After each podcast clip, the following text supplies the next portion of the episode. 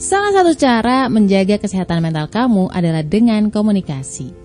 Salah satu cara komunikasi adalah dengan sharing, berbagi, bersedekah. Dan sedekah nggak harus selalu dengan materi.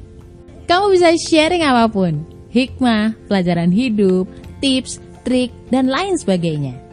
Tinggal download Anchor.fm, rekam suara kamu, edit, lalu publish podcast kamu akan terdistribusi di banyak platform. Salah satunya Spotify. Simple dan gratis. Buruan!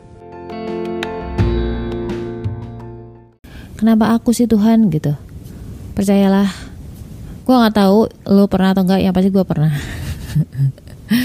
Dan orang-orang kayak gitu tuh lagi ngerasa bahwa dia tuh lagi menderita banget, diuji bertubi-tubi dan belum kelar satu, diserang lagi sama ujian yang lain. Yang menyiksa lo bukan soal ujiannya. Ini gue bocorin nih ya. Spoiler dulu nih. Sebenarnya yang membuat lo berat adalah lo tuh nggak ridho gitu. Lo nggak terima dikituin. Lo nggak terima dapat perakuan seperti itu dari Allah. Jadinya lo protes.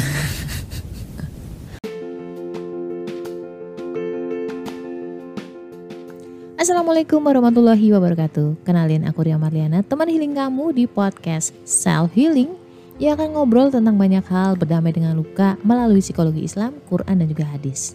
Dan kadang aku spill juga tentang karakter manusia berdasarkan golongan darah. Semoga bisa membantu kamu lebih relief. Tapi hal itu menjadi berbeda ketika usia aku udah 35 tahun sudah memiliki sudut pandang yang berbeda. Ya namanya pengalaman hidup itu adalah mengasah sudut pandang seseorang, benar nggak? Dan mungkin ini juga pengaruh dari pembelajaran yang dikasih dari anak gue yang pertama, namanya Fatir. Usianya tuh tujuh setengah tahun.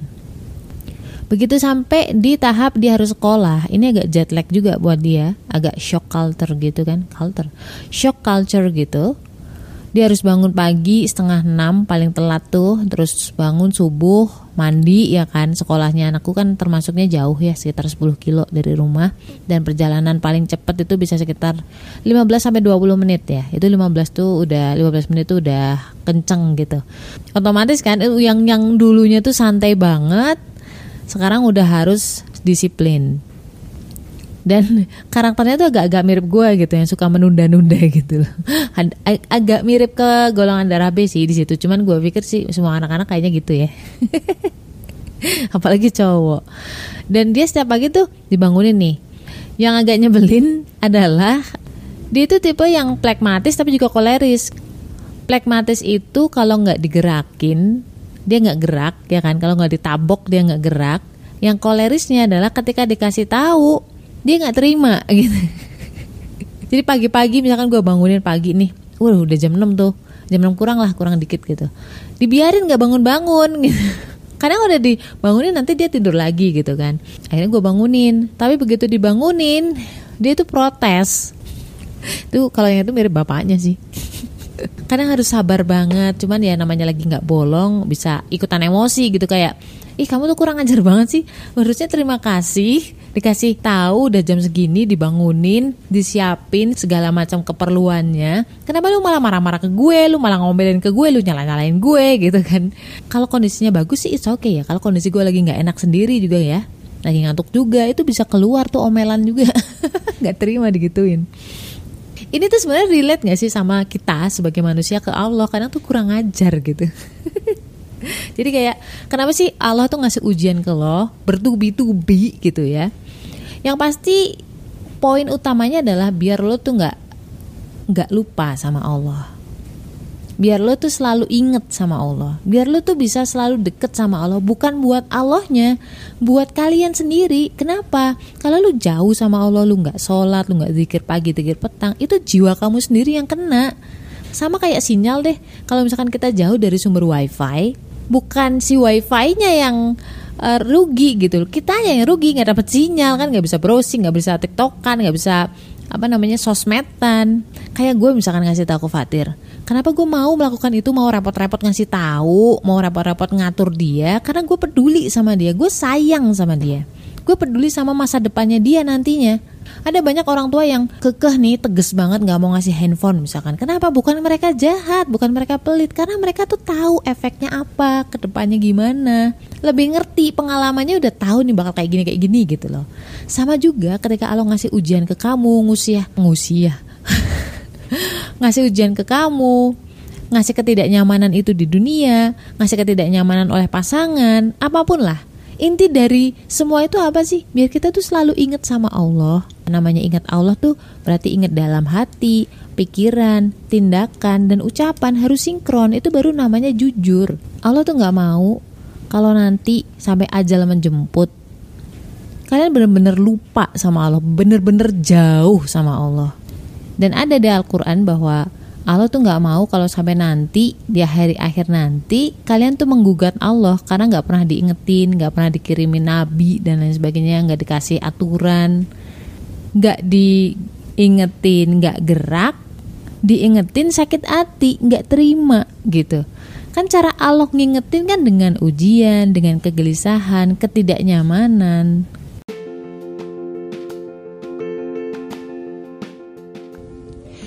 Aku golongan darah B. Kenapa ya? Aku itu suka ragu-ragu terhadap keputusan aku sendiri. Kenapa juga aku tuh susah banget nginget nama. Dan banyak orang yang salah paham terhadap saya. Coba deh kamu baca dulu buku tentang karakter golongan darah B, Beauty in a Beast. Linknya ada di bawah. Buruan. Biar kamu gak bingung lagi tentang siapa sih diri kamu. Akan sangat tidak adil ketika misalkan orang yang jauh sama Allah diperlakukan hal yang sama dengan orang yang nurut sama Allah. Karena ibadah menjadi seorang muslim tuh nggak gampang cuy. Ada banyak pengorbanan di situ, ada banyak pembuktian cinta kita ke Allah, ada banyak pembuktian penghambaan kita ke Allah.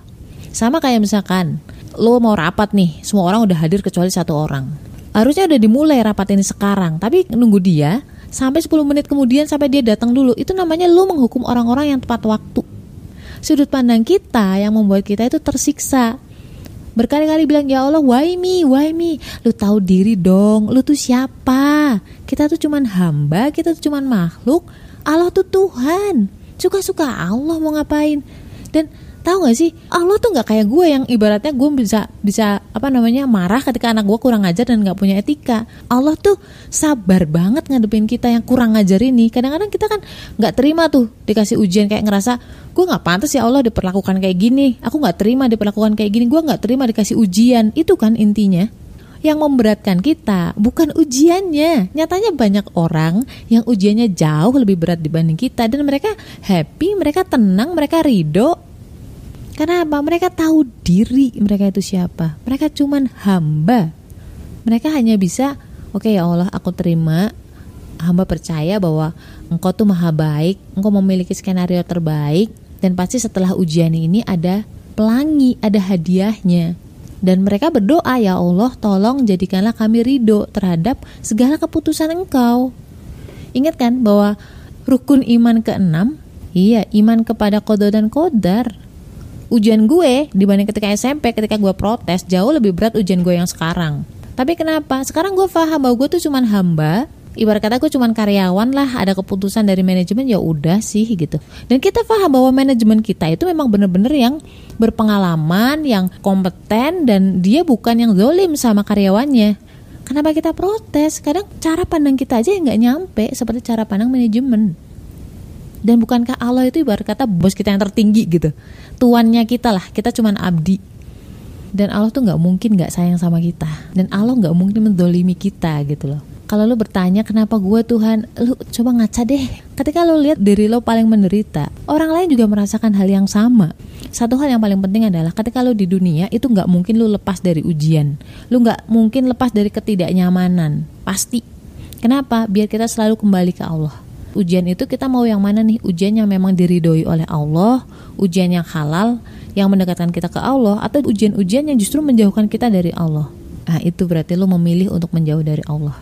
Sama-sama nggak nyaman tetapi ketika ada Allah kamu tahu bahwa kamu berada di jalan Allah. Itu semuanya kan ringan rasanya. Kalau nggak percaya cobalah. Apa pun masalahnya ingat selalu bahwa kita nggak akan lepas dari ujian sampai kita meninggal dan semua orang ngalamin itu hidup di dunia itu cuma sawang sinawang. La haula wala quwata illa billah. Jangan lupa zikir pagi dan zikir petang. Sering-seringlah bersolawat. Stay love and assalamualaikum warahmatullahi wabarakatuh.